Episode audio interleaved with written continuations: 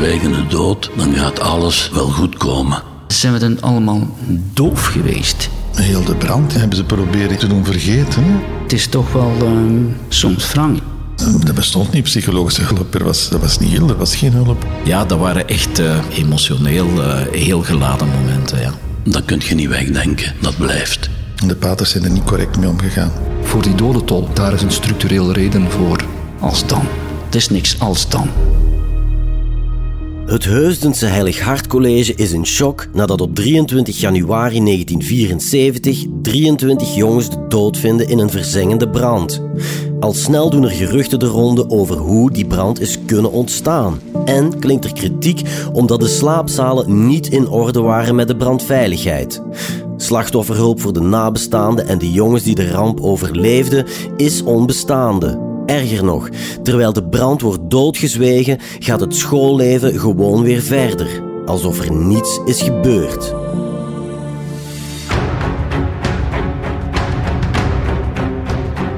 Van de Bijbelse apocalyps tot Hollywoodfilms over allesvernietigende catastrofes. Al sinds het begin der tijden rijgt de mensheid haar bestaan aan elkaar met rampspoed, in alle mogelijke vormen en gedaantes. Onbedwingbare natuurkrachten zijn vaak de oorzaak. Maar ook het handelen van de mens zelf ligt dikwijls aan de basis van dodelijke rampen. Denk maar aan ontelbare oorlogen. Of aan de miljoenen slachtoffers van branden, explosies en andere noodlottige ongevallen met een fatale afloop. Onze provincie blijft niet gespaard, zo zal u merken in deze reeks over Limburgse rampen. Telkens opnieuw nemen we u mee naar de plek van het onheil en reconstrueren we minuut na minuut het hele gebeuren, samen met zij die erbij waren. Ik ben Geert op Teinde en ik ben graag uw gids in het rampenplan. Inferno in het internaat, deel 2. 23 doden, maar iedereen zwijgt. Ik heb al geregeld in de loop der tijden vragen gekregen naar de oorzaken. Maar ik vind het heel moeilijk om daar iets eh, over te zeggen. Eén, ik was er zelf niet bij. En twee, er zijn waarschijnlijk een aantal elementen geweest die een rol hebben gespeeld. Ik denk uh, dat uh, soms één vonk genoeg was, zeker als je het materiaal bekijkt. Je hoort inderdaad vertellen dat het een sigarettenpeuk zou geweest zijn. Ehm, ja, dat men die heeft willen doven en daardoor dingen heeft gebruikt waardoor dat het vuur nog versneld zou geweest zijn. Um, ja, er zijn verschillende dingen die uh, de ronde doen, maar ik, ik heb me daar eerlijk gezegd nooit op vastgepind. Uh, de vreselijke dingen zijn gebeurd en ja, sommige mensen willen daar het laatste over weten en ik weet het echt niet. Ik kan dat moeilijk uh, gaan vertellen. Ik kan alleen zeggen dat ik in de tijd dat ik hier intern was, dat ik mij altijd heel veilig heb gevoeld en dat ik nooit het gevoel heb gehad om opgesloten te zitten. Maar goed, uh, ja, het is gebeurd. Zoals ik begrepen heb, en ik heb het eigenlijk vanuit artikels uit het Belang van Limburg toevallig, van die tijd, van die periode, plus een verslag achteraf van, van de brandweer, dat we, dat we intern ook nog wel hebben had het toch vooral te maken met uh, brandveiligheid, met normen van brandveiligheid die op dat moment uh, niet oké waren. Er waren wel inspanningen gebeurd door de paters in der tijd, maar tegelijkertijd waren er geen subsidies. Het gemeenschapsonderwijs had blijkbaar wel subsidies gekregen, maar de toenmalige minister had dat niet ter beschikking gesteld van het gesubsidieerd onderwijs. En dan is het niet zo evident om onmiddellijk alles in orde te hebben. Dus ik vermoed dat daar toch een structurele, enfin ik vermoed dat niet, dat, dat is helder, daar is een structurele reden voor voor die dodentol. U hoorde achtereenvolgens Eddie Willems en Geert Missotten, de vorige en de huidige algemeen directeur van het Sint-Franciscus College. Dat is de nieuwe naam van de destijds zo zwaar getroffen school. En het klopt wat ze zeggen. De brandveiligheid laat in 1974 zwaar te wensen over. Een brandalarm is er niet. De brandslangen worden nooit getest. Heel wat ramen kunnen al jaren niet meer open en sommige nooduitgangen worden versperd door op elkaar gestapelde koffers. Als er dan een stiekeme sigaret wordt aangestoken en de jonge roker niets vermoedend de geur wil verdoezelen met een bus deodorant of haarlak, dan zijn de gevolgen te raden. Alleen, die sigaret is slechts de officieuze oorzaak, want na de brand doen de wildste verhalen de ronde. Dat vertelt Eddie Theeuwis, die in het college zijn broer Noël verloor. Ik weet nog, in die periode gebeurden gekse dingen. Van, er was ook sprake dat er waren lucht, luchtoefeningen geweest, legeroefeningen geweest. En er is zo'n brandende bom op het college ingevallen. Ik weet niet wat allemaal. Het, het, het was het ene... Ja, het, is eigenlijk van alle tijden wat je nu ook hebt met... Ehm, ook nu weer met corona en zo, met samenzweringstheorieën, dat, dat, dat, is, dat had toen ook blijkbaar, is het nodig als je dus, uh, als er iets gebeurt, dat, er, dat je een verklaring zoekt. En als je geen verklaring hebt die normaal is, of juist de verklaring is te normaal, dan wordt er gezocht naar eigenlijk alle mogelijke eh, dingen. Maar het verhaal gaat, eh, een leerling heeft, dat was ook zo, de wet stiekem gerookt op de toiletten en noem maar op, stonden strenge straffen op. En daar heeft iemand een spuitbus, we zeggen haarlak, maar het kan ook wat anders zijn geweest, om de geur te verdoezelen. En nou ja, is dat niet zo heel slim? Uh, als je een, een spuitbus in, contact bent met vuur en dat schijnt ontploft te zijn. Ja, en als zoiets ontploft, en zeker als een bus nog vrij vol is, ja, dan is het gewoon uh, gordijnen, matjes, werkgoed, uh, papier, schoolboeken, noem het maar op. Het is gewoon fakkel. En dan ook nog uh, die chambret, ik moet, moet niet vergeten. De, eronder dus die... die uh, je hebt er heel veel luchtstromen eigenlijk. Dus ja, dat, dat, uh, dat verspreidt zich zo razendsnel. En meer weet ik natuurlijk ook niet, omdat ik was er niet, gelukkig niet, niet bij. Maar aan de hand dus van wat de klasgenoten voor zij verteld hebben... Ja, denk ik ook dat het zo, zo gegaan is. De vermoedelijke oorzaak van de brand geeft Eddy al zijn hele leven een dubbel gevoel. Ja, de jonge roker heeft Willis Nils de brand veroorzaakt, die zijn broer het leven kostte. Maar toch, van rancune is totaal geen sprake, zo zegt Eddy. Nou, het is heel dubbel. Van de ene kant wil je eigenlijk weten van wie, hoe en wat. En van de andere kant denk je, ja, het voegt niks toe. Want uh, het is inderdaad een ongeluk. En ik weet niet wie het was, maar die zei het uh, wel, uh, denk heel treft. Die zei, ja, die is al genoeg gestraft. Die heeft dat heel zijn leven moeten, moeten meedragen. En um, ja, het is dood door, door schuld als je wilt. Maar het is geen volwassen. Het, zijn, zijn kinderen van 12, 13 jaar. Die, die ik bedoel... Ehm, ik denk dat elke volwassene zou moeten tussen aanhalingstekens gestraft worden van elke stomiteit die hij ooit heeft gedaan, waar gelukkig geen erge gevolgen, maar waar erge gevolgen hadden kunnen uitkomen, stel dat allemaal erge gevolgen uh, had gehad. Amai. Soms dan uh, zit het tegen, soms dan zit het mee. En als er niks gebeurt, als je met je fiets of je bromfiets als jeugdige roekloos bent en er gebeurt niks, heb je geluk gehad en is er wel wat gebeurd en daardoor sterft iemand bijvoorbeeld of raakt iemand, eh, ja, dan is dat, ja, is dat schuld? Ja. Eh, in hoeverre kun je een. een uh, het is soms wel moeilijk om een, om een volwassene een bepaalde schuld helemaal aan te rekenen. Iedereen kan wel eens onoplettend zijn of even niet nadenken. En, en mijn kind is dat jongens van 12, 13 jaar is dat vele malen. Dus ik heb er ook, ik moet eerlijk zeggen, ik heb ook geen, uh, geen enkele vorm van uh, rancune of, of noem maar op.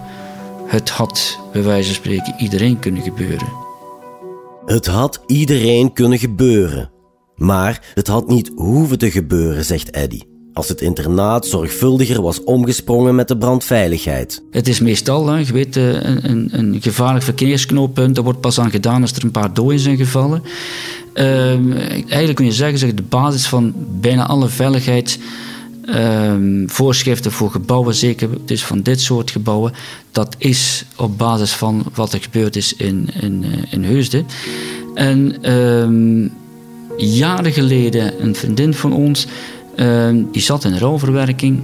Die was ik het internationaal rouwcongres. En ja, dat heeft ze me eigenlijk um, tegen mijn vrouw verteld. Dat dit werd ehm, aangehaald op zo'n congres als een schoolvoorbeeld van hoe het niet moet. Je kunt natuurlijk zeggen van ja, god, ze wist niet beter, maar het is toch wel ehm, soms wrang, ja. Dat je 30 jaar later is zo op een congres wordt gezegd wij dus het voorbeeld waren van wat niet moet. De toen 13-jarige Patrick de Klerk sliep destijds in de slaapzaal waar de brand uitbrak. Ook hij denkt dat het verhaal van de sigaret klopt. En de persoonlijke boodschap die Patrick heeft voor de jongen van toen lijkt de mening te vertegenwoordigen van veel jongens die destijds bij de brand betrokken waren.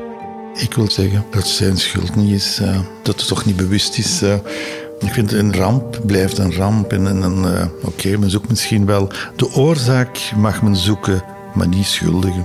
Want niemand wil dat. Als dat zo gebeurd is, dan heeft die jongen dat zeker niet meer opzet gedaan. Niemand wil 23 jongens op zijn geweten. En de persoon van waar dat het gedacht wordt, die naam zal nooit vernoemd worden. Maar ik weet wel dat zijn leven niks is geweest of niks is geworden. De naam van de jongen die de brand veroorzaakt zou hebben, zal nooit genoemd worden, zegt Patrick. Dat is tot op de dag van vandaag ook niet gebeurd.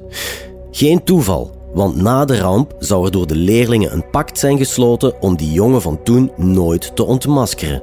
Ja, er is een soort pak gesloten. Dat heb ik pas daarna vernomen. Ehm, ik heb heel veel informatie en documenten kunnen inlezen als ik directeur was van een nazorgcentrum voor brandwonden. Dus heb ik uh, heel veel dossiers kunnen lezen en van toen ben ik van alles te weten gekomen. Ik zal ook uiteraard die naam nooit niet vernoemen. Daar gaat het ook niet om. Ik vind hoe de paters ermee zijn omgegaan. Dat zijn volwassen mensen. De anderen waren kinderen. Ik heb de indruk dat de paters dachten van uh, we helpen hem met er niet over te praten. Hè. Hier komen we er weer op terug. Maar ze hadden beter uh, er misschien wel over gepraat, die jonge psychologisch uh, geholpen, begeleid. Dan had hij wel een ander leven kunnen hebben. Ik ben zeker niet haatdragend, maar ze hadden er anders kunnen mee omgaan. Dat is het minste wat ze hadden kunnen doen, maar dat hebben ze niet gedaan. De paters zijn er niet correct mee omgegaan. Ze zijn ook na de brand niet van mentaliteit veranderd. Dat is mijn mening, mijn persoonlijke mening. Het zit duidelijk erg diep bij Patrick. Het gevoel dat men destijds de zaken anders had kunnen aanpakken. Maar, zo wordt ons meermaals op het hart gedrukt, we mogen niet vergeten dat de tijdsgeest in 1974 totaal anders was wanneer we spreken over slachtofferhulp en rouwverwerking. Ik ben Daniel Moermans en in tijden van de brand gaf ik les in het eerste en het tweede jaar Nederlands. En ik was ook klastitularis in het eerste jaar. Bij de slachtoffertjes waren ook kinderen waar mijn vrouw en ik zelf les aan gaven. En uh, in de loop van de namiddag zijn we met een drietal leerkrachten ook in het klaslokaal geweest waar de slachtoffertjes opgebaard lagen in de hoop dat we de kinderen zouden herkennen. Ja, en dat beeld dat kan ik zo oproepen en uh, dat kun je niet wegdenken. Dat blijft. De hulp achteraf. Uh, ik ga nu een lelijke uitdrukking gebruiken. We zwijgen de dood, dan gaat alles wel goed komen. Zwijg maar, het zal wel vanzelf overgaan. Dat was in die tijd zo. Hoe minder men erover sprak, hoe gemakkelijker tussen aanhalingstekens het zou zijn dat men het leed zou vergeten. Maar de ervaring heeft geleerd dat dat niet zo was. We hadden wel beter erover gepraat. Dat gaat niet vanzelf over. Zoveel jaren, meer dan 40 jaar na die ramp, hebben die jongens verteld wat dat met hen gedaan heeft en vandaag de dag nog altijd doet. Nee, we hadden meer met elkaar daar moeten over praten. Want uiteindelijk, zoveel jaren later, weet je, we zijn een beetje aan ons lot overgelaten. Zonder kwade bedoelingen. Dat wil ik, daar wil ik altijd de nadruk op leggen. In die tijd dacht men dat het beter was. Er bestond niet psychologische hulp. Er was, er was niet heel, er was geen hulp. Je kon met niemand gaan praten. Er was de tijdsgeest van toen. Plus uh, dat gedeelte, Limburg sowieso, maar dat gedeelte van Limburg was een zeer katholieke, ja, moet ik zeggen, plaats, omgeving. En uh, er werd over veel dingen niet gepraat. Als je ziet wat, en, wat er nu, soms heb ik het er moeilijk mee als er een kleinigheid gebeurt. Het eerste wat men zegt is van de, de leerlingen kunnen terecht, kunnen opgevangen worden wat heel mooi is en normaal is, maar dan voel ik dat ik jaloers ben. Dan ben ik jaloers dat uh, wij dat niet gehad hebben. Ik heb gemerkt als ik in 2004 directeur werd van het brandwondencentrum. En heb ik uh, via de pers laten weten dat wij psychologen ter beschikking hadden. En dat uh, mijn medestudenten dus welkom waren om daar gratis psychologische steun te komen halen. Ik ben geschrokken dat er toch mensen zijn op afgekomen en dat die nog nooit eerder over gesproken hadden. Laten we nog even terugkeren naar 1974, naar begin februari. Een kleine twee weken na de brand worden de lessen hervat. In de zwaarst getroffen klas van het college wordt er die ochtend een reportage gedraaid door de toenmalige BRT. Laten we even denken aan die 23 jongens en dan speciaal aan de 11 jongens van deze klas. Het is natuurlijk nu erg uh, op dit ogenblik de klas binnen te komen. Erg voor iedereen. Klaar. Ik heb de banken zoveel mogelijk uit elkaar gezet. Nieuwe plaats opgegeven, maar dan breekt toch iets. Klaar, laten we dat even onthouden. Klaar, ik vind dat dat het belangrijkste is. Dus niet blijven stilstaan bij die elf lege plaatsen die zijn er, die kunnen we niet wegcijferen. Maar die vriendschap en die vreugde die er altijd geweest is in deze klas. En nu gaan we geleidelijk aan over, we gaan er niet lang blijven bestilstaan, maar gaan we geleidelijk aan over naar de eigenlijke stof waarmee we twee weken geleden gestopt zijn. Dus neem eens even je handboek. Dat is kort samengevat hoe het toen was met iedereen. Dat is niet alleen door die man. Dat was de mentaliteit toen. We gaan ermee verder en vooral er niet over praten. En dat kon ik zelfs toen niet vatten. Ik heb er wel over gepraat. Ik heb er regelmatig over gepraat. Tot grote ergernis van de paters. Vandaar dat ook op het einde van het jaar dat ze tegen mijn vader hebben gezegd van uh, beter dat Patrick het, uh, het college verlaat. Er komen nieuwe leerlingen aan en uh, bepaalde herinneringen die uh, willen we niet meenemen. Heel de brand is, is, is in, hebben ze proberen in een collectieve, collectief te doen vergeten. Hè. Als men over branden in België praat, praat men over de INO. En van de INO gaat men naar Zwitel. Daartussen zijn er wel 23 kinderen overleden. Er mag niet over gepraat worden. Die leraar Engels, en ik heb hem zelf ook gehad, die... Uh, als de televisie komt, ja, dus de eerste les, dan wordt het opgenomen. Uh, je weet hoe iemand praat. En uh, ik weet nog in de tijd dat het werd uitgezonden, dat ik gezegd, ja, moest kijken en ze doen of er niks aan de hand is. En die, en die leraar ook enzovoort. En ja, je neemt dat aan. En dat ik nu denk, ja, zijn we dan allemaal doof geweest? Je, je hoort aan de stem, en zeker als je die persoon kent, de zenuwen gieren gewoon door zijn keel. Hoe ging dat dan? Die man die krijgt gewoon te horen, ja, je, moet, je bent degene die tv komt, je bent degene die les moet doen. En je doet maar gewoon, uh, ja, jongens. Dus zo iemand wordt gewoon voor de leeuwen gegooid en daarna wordt, er, uh, word je er ook nog op afgerekend. Ja, dat is toch idioot? Het klopt wat Eddie vertelt. De leraar waarvan sprake kan niet afgerekend worden op wat hij zegt. Want nogmaals, dit was de tijdsgeest, zeggen ook voormalig directeur Eddie Willems en oud-leraar Daniel Moermans. Het is inderdaad zo dat ongeveer 14 dagen, denk ik, na de ramp, werden er lessen hervat. En iedereen heeft uh, wel die beelden gezien. Ik denk dat het Jan van Rompuy was die het toen verslagen heeft. Hè? En uh, die dat toen gezegd heeft van kijk, dit was heel snel. Eh, dat klopte, maar je moet dat ook in de tijdsgeest van toen bekijken.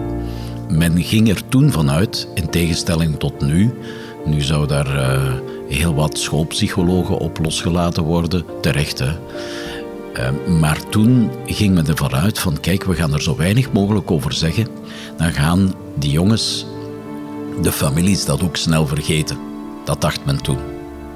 En eerlijk gezegd, toen ik hier in 2000 aankwam, um, dacht ik dat ook. Ik dacht, ja, die mensen zijn dat uh, tussen grote aanhalingstekens vergeten. Maar dat bleek dus helemaal niet zo te zijn. Hè. Die trauma's, die waren er. Alleen, ja, was het een ijsberg. Je zag alleen maar de paar topjes. Voor de rest bleef alles onder water. We gingen met een klein hartje naar de lessen, want uiteindelijk de leerkrachten van het eerste en tweede jaar hadden bijna overal wel iemand die ze zouden missen. En dan was het ook een moeilijk moment om daarover te praten. We hadden het beter wel gedaan, daar veel over gepraat. We hebben verteld dat we door moesten met lege banken. En dan klinkt dat zo vreselijk. We moeten overgaan tot de orde van de dag. Maar uiteindelijk was het ook zo. Hoe vreselijk dat ook klinkt. We moesten door met het leven van die kinderen die daar nog zaten. Het enige jammer vind ik dat we daar niet over gepraat hebben, niet lang genoeg over gepraat hebben, niet herhaald hebben. Maar de klok kan niet teruggedraaid worden. Dat is het jammer. Ook voor de paters, die wonden, die blijven. De verantwoordelijke van de slaapzaal waar de brand is geweest, ik heb die man gesproken en hoe diep dat bij die man zat, dat hij niets heeft kunnen doen. Hij zou ook de klok terugdraaien, moest hij het kunnen, maar dat kan niet. Over wie het ook gaat, de ouders, broers en zussen van de slachtoffers, de gewonde kinderen, de overlevenden en medeleerlingen, de leraars en de paters. Een hele gemeenschap draagt de littekens van de noodlottige brand in het internaat van Berkenbos. Toen al, maar nu, bijna 50 jaar later, nog steeds.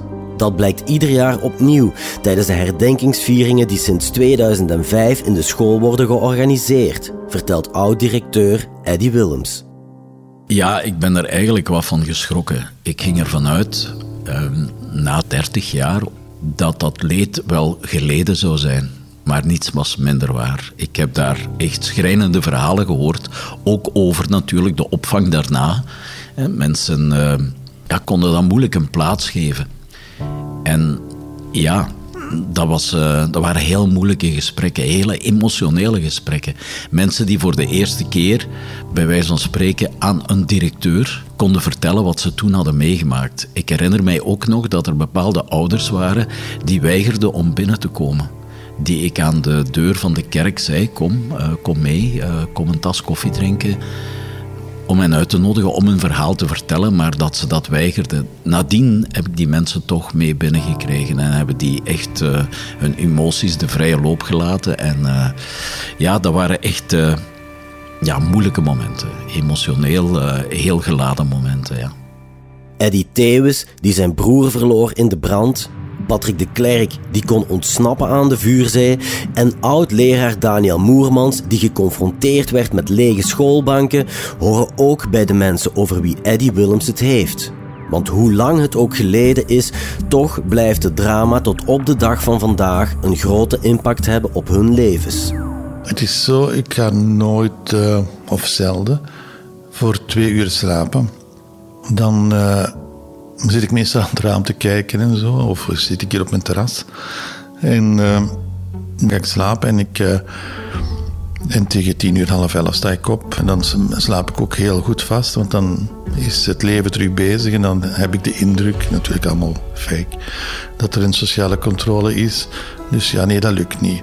Dus met mensen samen op reis gaan vind ik ook een moeilijke. Want je kan er wel vertellen, uiteindelijk uh, begrijpen ze toch niet. En verwachten ze s morgens dan het ontbijt in het hotel of binnen thuis. En, dus uh, dat gaan we niet doen.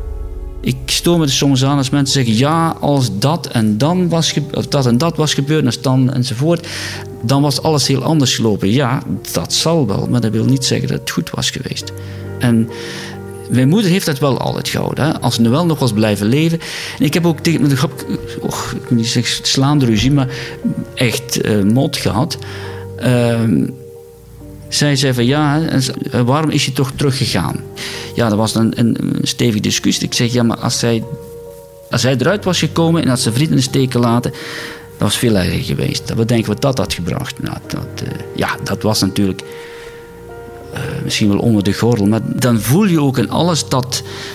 Dan worden emoties heel, heel heftig. En, en dat zijn vooral ja, de beelden of de, wat je overhoudt van hoe zelfs woorden of, of dingen kunnen, kunnen binnenkomen bij mensen. En, en hoe, daarmee, hoe dat tot heftige reacties kan leiden. Dat is, en daar ben ik nu nog tot op de dag van vandaag van overtuigd. Ik, ja, uh, word je een beetje beetje lastig van als mensen dan altijd praten, ja, maar als dan. Ik, ik zie van, oh, donder erop. Als dan. Het is niks als dan. Het vergt grote inspanningen om je te verlossen van je herinneringen. Dus zeker als je zoiets hebt meegemaakt. Uh, ik, zoals ik al zei, leef heel goed. Uh, ik heb een, een, heel goede carrière gehad en nog altijd met mijn kunstgalerij. Het is niet dat ik er elke dag aan denk. Ook het slaapprobleem, het is er, maar ik zit er niet s'nachts aan te denken. Sommige mensen denken van, ja, is er altijd mee bezig. Nee, dat is niet waar. Maar um, je kan dat nooit vergeten, nee. Kijk, op dit moment heb ik eh, het gevoel dat ik redelijk gelukkig ben. Um, ik ben wie ik ben door wie, ik geworden ben. En daar hoort dit ook bij. En ook, het, het vormt je in die zin um, dat je op zeker moment ook anders tegen zaken van het leven gaat aankijken. Die, die mensen, god, goed eens op met zeuren.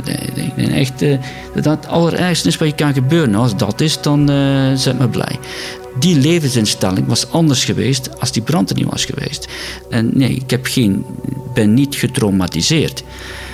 Maar het is niet altijd, het niet altijd gemakkelijk. Ik moet zeggen, ik heb nogal wat foto's van de, de kinderen van de internaat. Als we gingen voetballen, als er klasfoto's gemaakt werden. De nagedachtenisprentjes.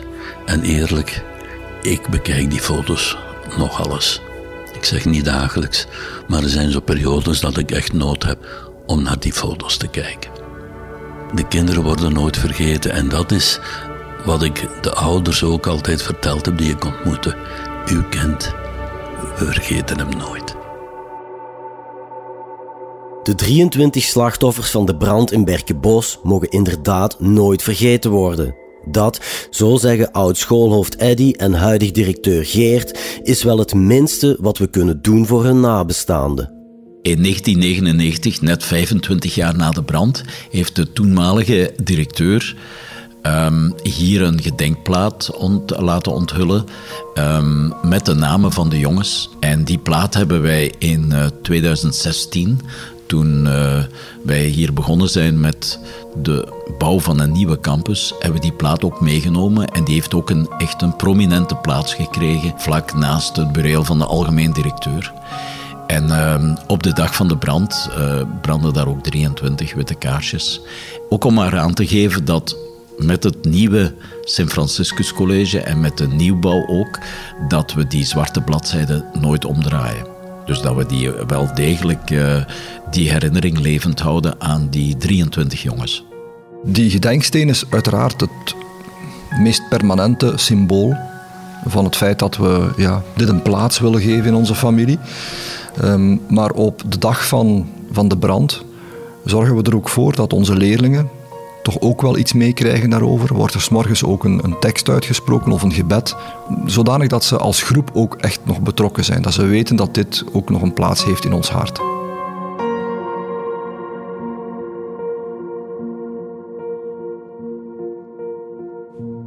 We willen deze podcast graag opdragen aan alle slachtoffers van de brand van 74. Henri Bolle, Willy Koubergs, Dirk Elens, Johan Kosten, Robbie Bekkers, Alain Blankaert, Johan Daniels, Rick de Dekker, Peter Loos, Dirk Olaerts, Noël Theeuwes, Mark van de Voorde, Benny van Pol, Roland Wouters, Stefan Wouters, Stefan Ponnet, Luc Tullen, Erik van der Grazen, Renaat van Hees, Johnny van Hout, Johnny Goris, Luc Lebon, Roberto Tomassi en de twee gewonden André Leijsen en Gaetan Kolen.